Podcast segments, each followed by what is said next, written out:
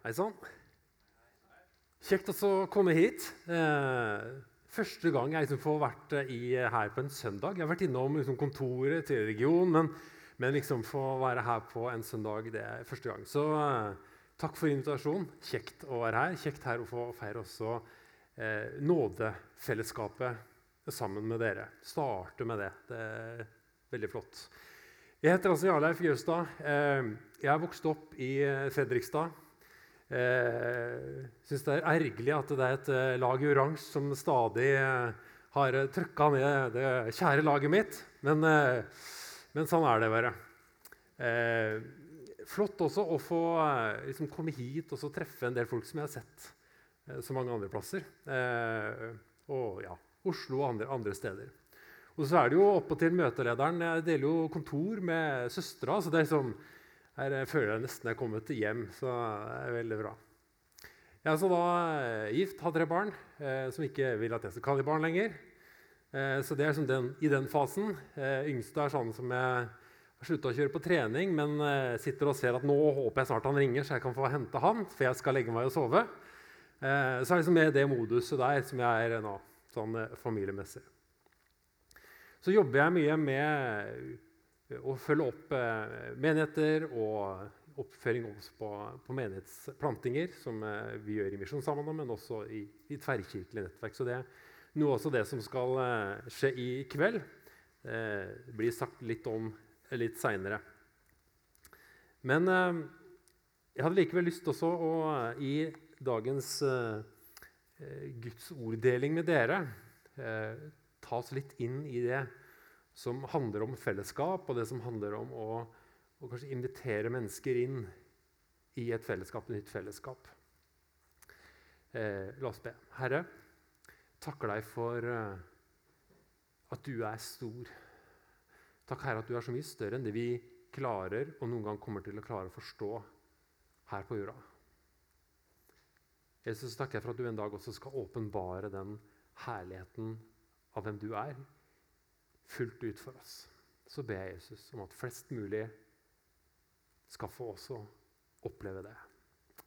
Amen. Jeg husker uh, i uh, tenåra Jeg var med på bedehuset. Og så uh, skjønte vi liksom at det, det å liksom møtes litt på kryss og tvers av generasjoner, det var en bra ting.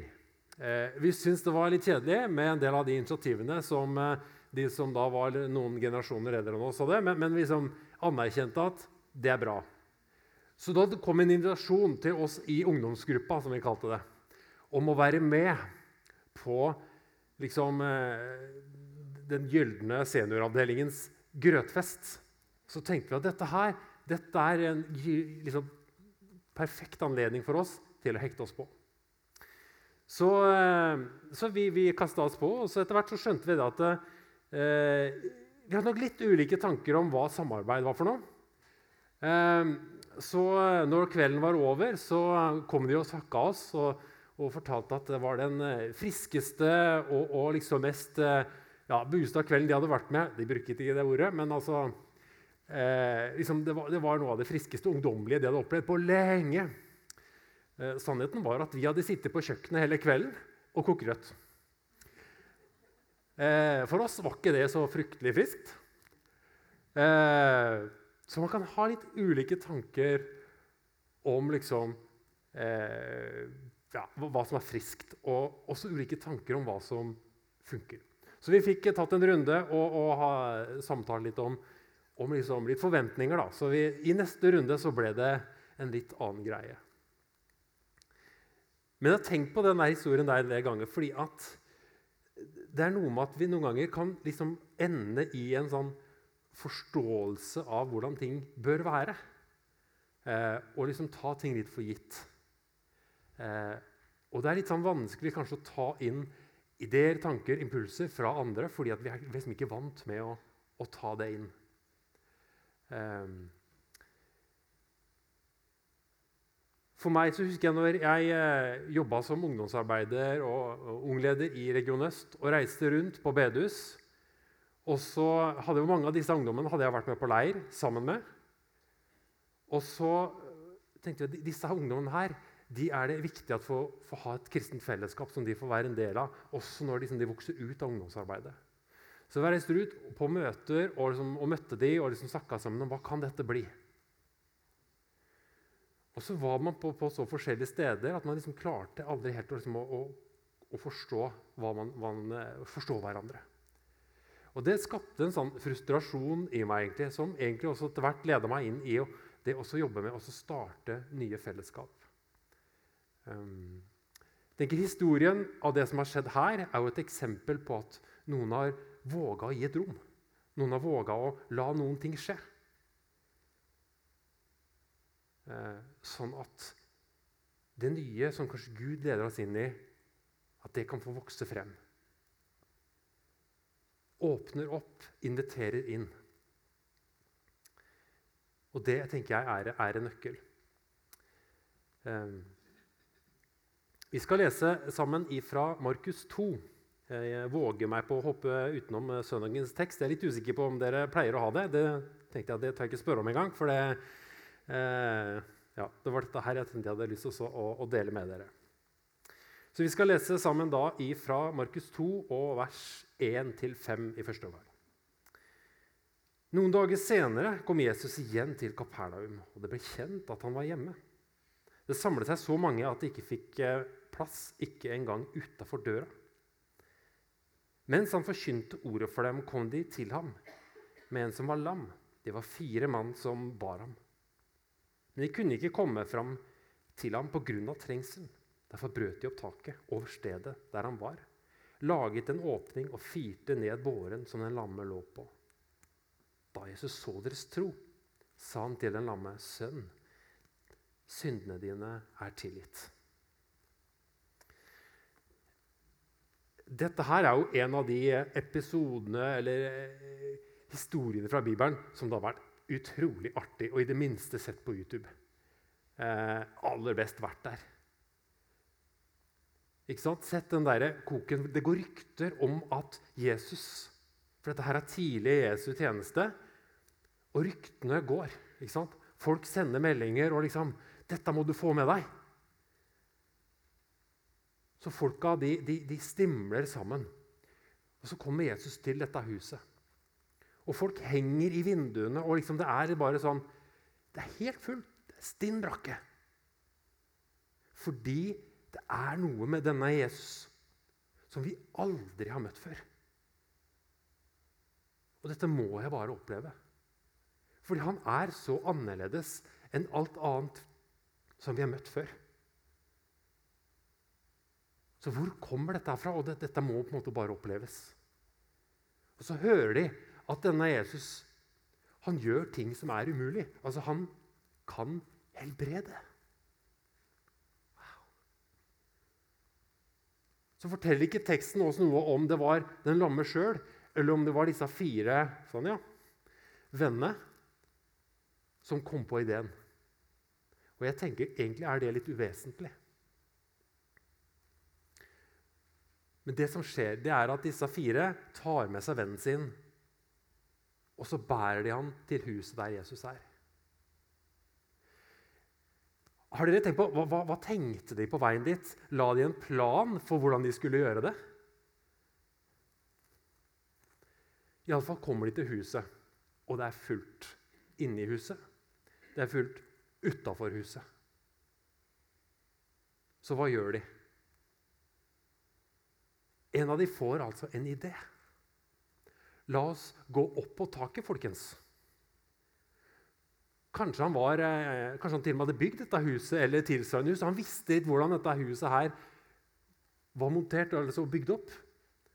Så han visste akkurat hva han skulle gjøre. Så han tar med seg de andre, ser opp langs veggen, liksom, trappa opp langs veggen, balanserer denne mannen. De kommer opp på taket. Og så begynner de å bryte opp taket. Og de som da sitter nede i den der stua som er pynta fordi de har storfint eh, besøk av Jesus liksom ser bare det, Jord og, og liksom støv bare raser ned, og kanskje de får en grein sånn seilende ned. Og, og liksom I all verden, hva er det som skjer? Jesus vet hva som skjer. Jesus visste det at når han sto der og snakka med dem, så visste han at nå er det noen på vei her.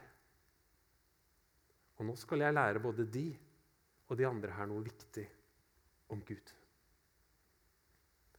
Og Så firer de denne her mannen ned. Og så står det at Jesus så deres tro. Da tenker, jeg, Det er det, det første her som vi kan stoppe opp ved. Jesus så deres tro. Det var ikke bare den lamme eller initiativtakeren, men som visste hvordan huset var bygd. Nei, det var alle fem. Fordi på forskjellige måter så bar de en tro i fellesskap. Dette fellesskapet her, det er også et fellesskap som binder sammen i tro. I tro på noe mer enn bare liksom det som dere ser og vet om hverandre, men tro på at Gud kan gjøre en forskjell. En tro på at det er Gud som gjør forskjellen. Så fellesskap og tro. Antageligvis så var det en eller annen skeptiker av de fire som tenkte er det her en god idé? Men han var med. Og vi kan være litt ulike i fellesskapet, om vi er overbevist om det er en god idé eller ikke. Når vi sammen får bære våre venner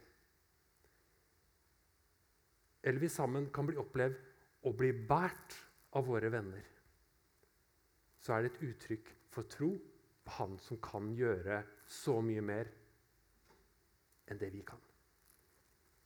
Så det er det første punktet. Det andre som jeg har lyst til å ta oss litt over i, det er jo det at de, de våger å bryte noen barrierer. Fordi at mens de nå er på vei dit, så ser de det at her er det jo, det er jo noe som står i veien. Det er noe som hindrer at de skal få møte Jesus. Og de våger å bryte opp. Ehm.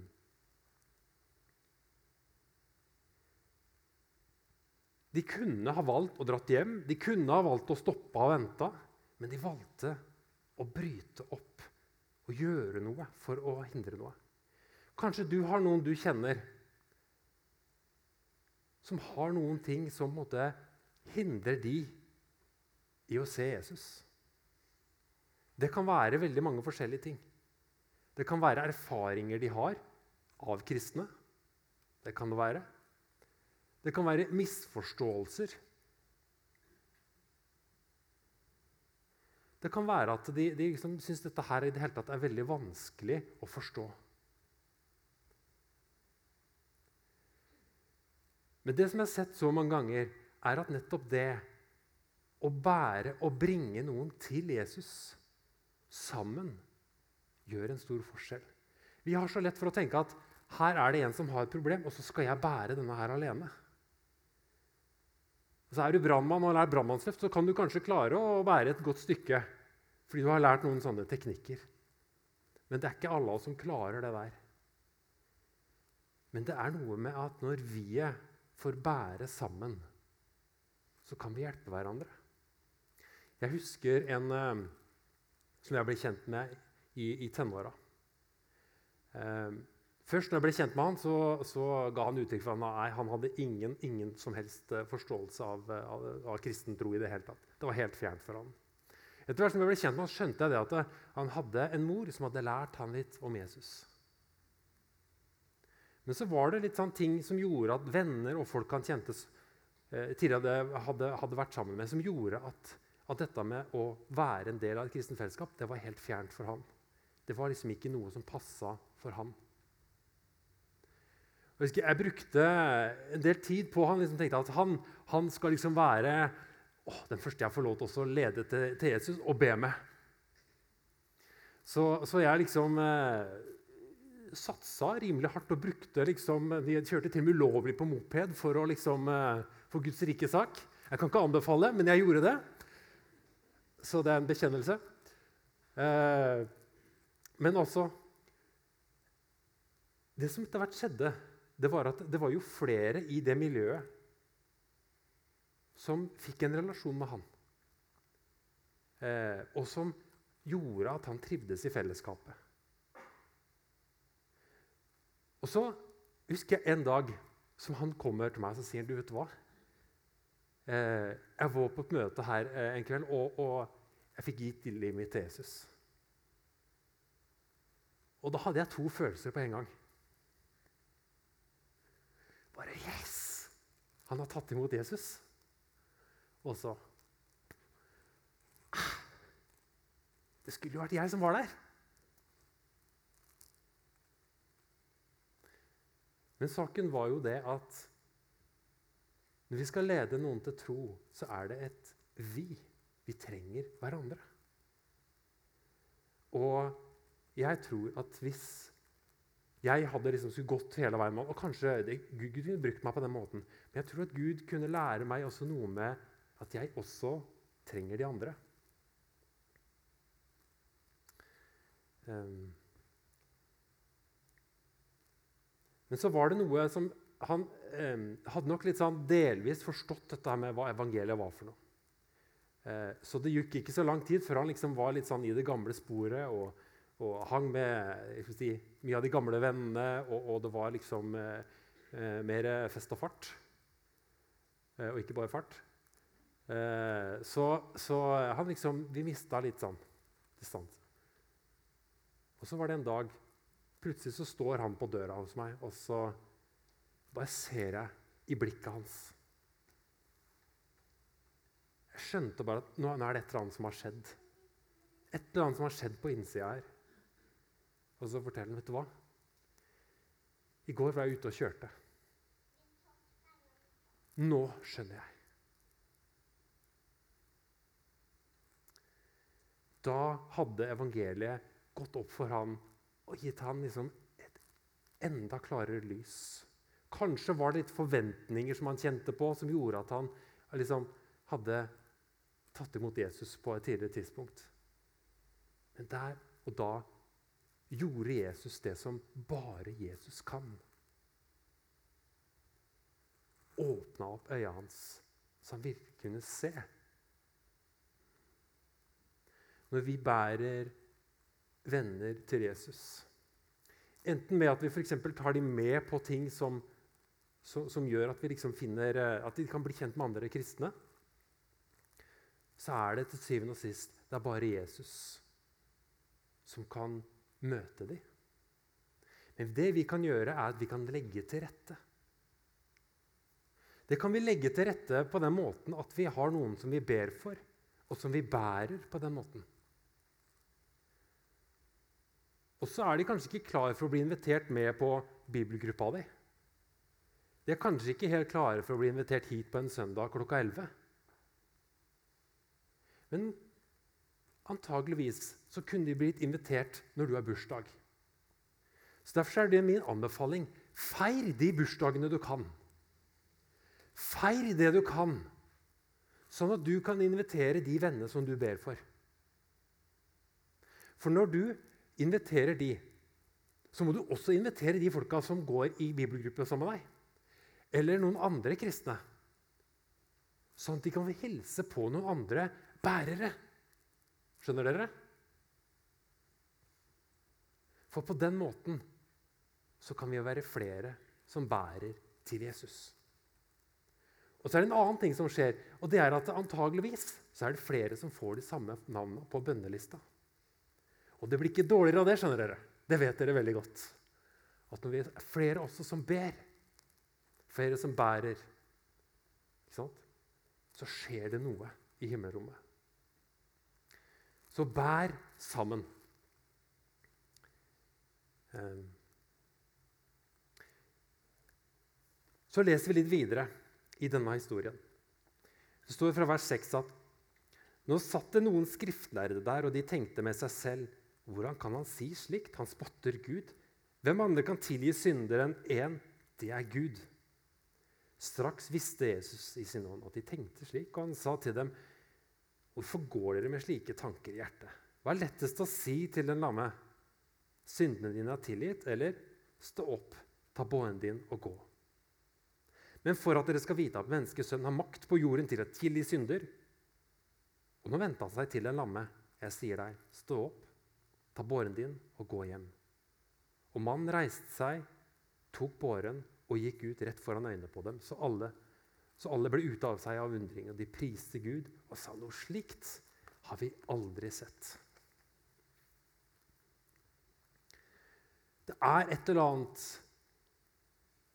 som skjer når mannen fires ned. Han kommer jo der for å bli helbreda. Altså, Jesus' svar er 'dine syndere er tilgitt', fordi han så troa.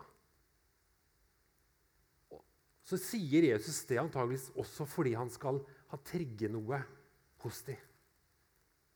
For at de skal åpne opp øynene, og for å forstå, kanskje. Og så tilgir Jesus syndene. Og det er jo det viktigste når vi bærer noen til Jesus. Det er at de får tilgivelse for sine synder. Og får se dette som Jesus er. Men så gir Jesus både tilgivelse og han helbreder samtidig. Og på den måten synliggjør ekstra tydelig Altså, Hvordan skulle de motsi det? Når han både sier 'dine syndere er tilgitt', og han demonstrerer at han har en makt som overgår alt de har forstått, alt de har tenkt, alt de har skjønt tidligere.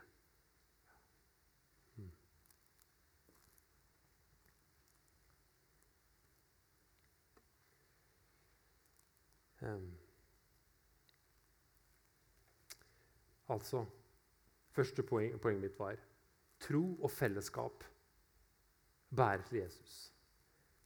Det andre, mitt bidrag, det får betydning når Jesus går med, når Jesus er der. Og Det tredje som jeg hadde lyst til å stoppe ved, det var det at når de står der og de bryter opp taket, og de får rusk i øya og Mor i huset kanskje kjenner at dette her var litt irriterende, og far tenker på hvordan i hele verden skal vi få fiksa dette før det blir kveld? Ikke sant? Det er noe Når Jesus kommer nær, og Jesus bryter opp noe, så blir det litt jobb å gjøre. Det er noen ting som, som må fikses. Og hvis vi bare ser på det derre det lille ser den enkelte oppgaven det, det, åh, nå, må jeg, nå må jeg feie opp her, og nå må jeg reparere det. Og ikke ser det underet som Jesus gjør. Så mister vi jo hele moroa, og vi sitter igjen med bare det kjipe.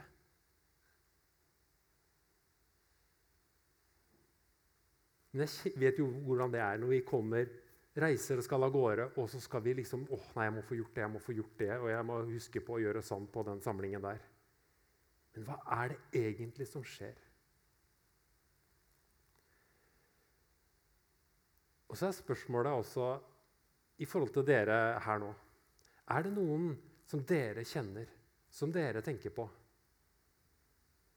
Som tenker at det å komme hit er antageligvis en sånn barriere som er så stor at det Ok, Gud kan gjøre det, men kanskje kunne det vært et annet sted som jeg kunne invitert denne vennen til, sammen med noen andre? For å skape et sånt rom, for å skape et sted som de kan høre til. Det er derfor vi starter opp nye menigheter. Vi gjorde en senterundersøkelse i 2021. Det er altså en sånn undersøkelse som, eh, som Sendt Norge, da, det nettverket med 13 forskjellige sammenhenger Norge, gjør hvert femte år så sier at i en menighetsplanting så er 11% av de som blir med, de er nye troende. 11% De som ikke har vært aktive det siste året, og som har blitt passive For noe av det som skjer en del steder, at noen, noen uh, av litt ulike ting som skjer i livet, så, så blir det litt sånn vanskelig for dem å komme seg til et møte, til en menighet. Og det blir, ja, til slutt så, så, så stopper det opp. 36% av de som blir med i oppstart av et nytt fellesskap, de har vært passive det siste året. Så nesten halvparten er enten nye troende eller passive som er blitt aktive. Så det å starte opp et nytt fellesskap det er en kjempeanledning til å bære noen til Jesus. Men hvis det skal skje, så må vi kanskje legge bort noe av det vi egentlig hadde tenkt til den dagen, sånn som disse fire vennene. Og vi må se at det er noe større enn at et tak må fikses. Det er noe større som skal skje. Det er noe større som Gud gjør midt oppi alt dette.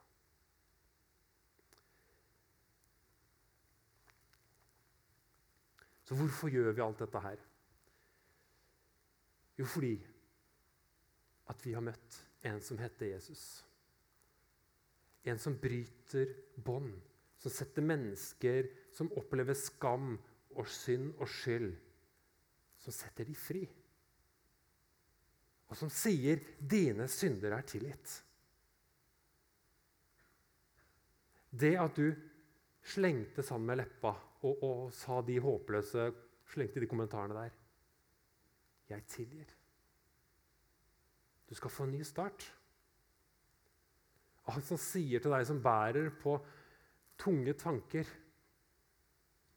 Han ønsker å gå sammen med deg og bære det. Og for deg som kanskje bærer på sykdom som du ikke blir frisk av Han sier at en dag så skal jeg tørke bort hver tåre fra deres øyne. Jeg har skrevet i Bibelen min at eh, Jesus skal fjerne årsaken. Han skal ikke sitte der med Kleenex og liksom altså, Det er ikke himmelen. Han skal ta bort grunnen til din smerte. Det er det han inviterer til, og det er den Jesus jeg kjenner. Det er den Jesus som de kan få bli båret til i fellesskapet. Så hvis Gud kaller deg til å bryte opp noen sånne tak, Søk Han i å finne din plass i det. Og Hvis du tenker at 'nei, det gjelder nok ikke meg', jeg tenker det er greit sånn, da har jeg lyst til å si til deg Fortsett med den kulturen som dere har her, og se stort på når det støvet begynner å drysse, og det blir litt irriterende. Det blir litt styr. Se det store bildet. Og hei og be for det som Gud gjør når noen bærer en venn til Jesus. Jesus, takk for at du er stor og god og mektig og så mye mer enn det vi skjønner. Kjære Jesus, jeg ber om at du skal lede oss og vise oss det som du har for oss. La oss få kraft og styrke til å gå inn i det og stå i det som du har gitt oss.